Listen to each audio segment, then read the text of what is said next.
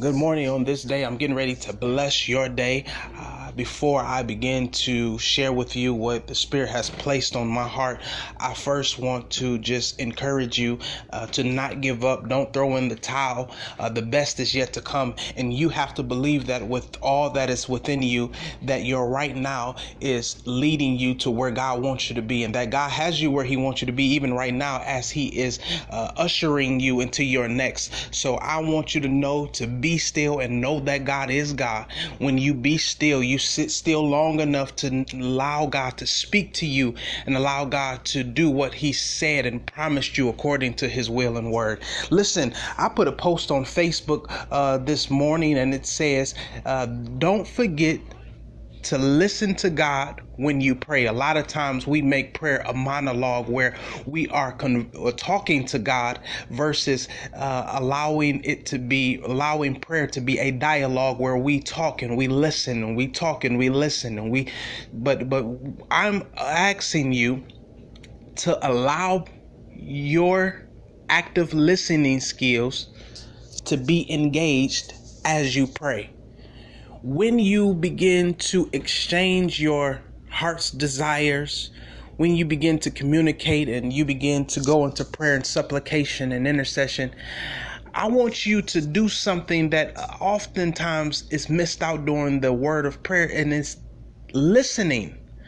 Because God speaks back to us, but a lot of times we're so accustomed in just praying and talking that we do not uh, sit still long enough to let God talk back, move the way God can move. And I think that's vital for somebody who who is engaged in prayer. Uh, that you give God a laundry list. You tell God what you're suffering with. You give God your heart. You you you you you tell God that you're grateful and thankful, and you say all of these things, and you never even giving God a chance to respond according to his motives towards you, his will towards you. And I believe that as people of God and as believers, we have to yield long enough to allow the Creator, one who created us and knows everything about us, and the one that told us through Jeremiah 29 and 11 that he knows the thought that he thinks towards us, not of evil, but of peace to bring us to an expected end. We have to learn how to listen to God. And that I pray, God, today that you uh, would just pause long enough to allow God to speak back to you, to move, and know that God has the ability to move through others. So while we're looking for from while we're looking for direct actions from God, we got to understand that God is the ultimate creator, and all things flow from God to the earth and we are engaged in community and that God has the ability to speak and answer us through others.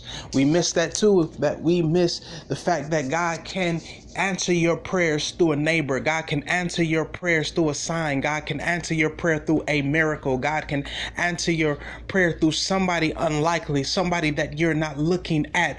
God will send that individual. That's why Hebrews, I believe it's in the eighth chapter, but if I'm wrong, it speaks of be careful to entertain strangers because a lot of people have been entertaining angels thinking they are strangers, but not knowing that God has sent that individual to help your circumstance, to help your situation.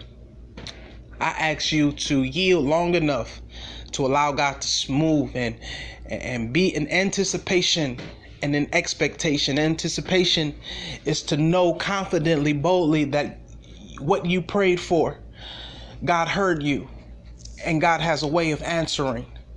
Expectation is an expecting God to move. It is when you seal your prayer by saying, It is so, amen you know that God is getting ready to move. You don't know how, you don't know when, you don't know what He's getting ready to do. You just know I'm expecting you to move. I'm expecting you to show up. God, I'm expecting you to turn something around. God, I'm just standing in anticipation and in expectation of your glory and for your manifestation. All right, blessed people of God, y'all go in peace, y'all go in love, and y'all enjoy this week. Peace.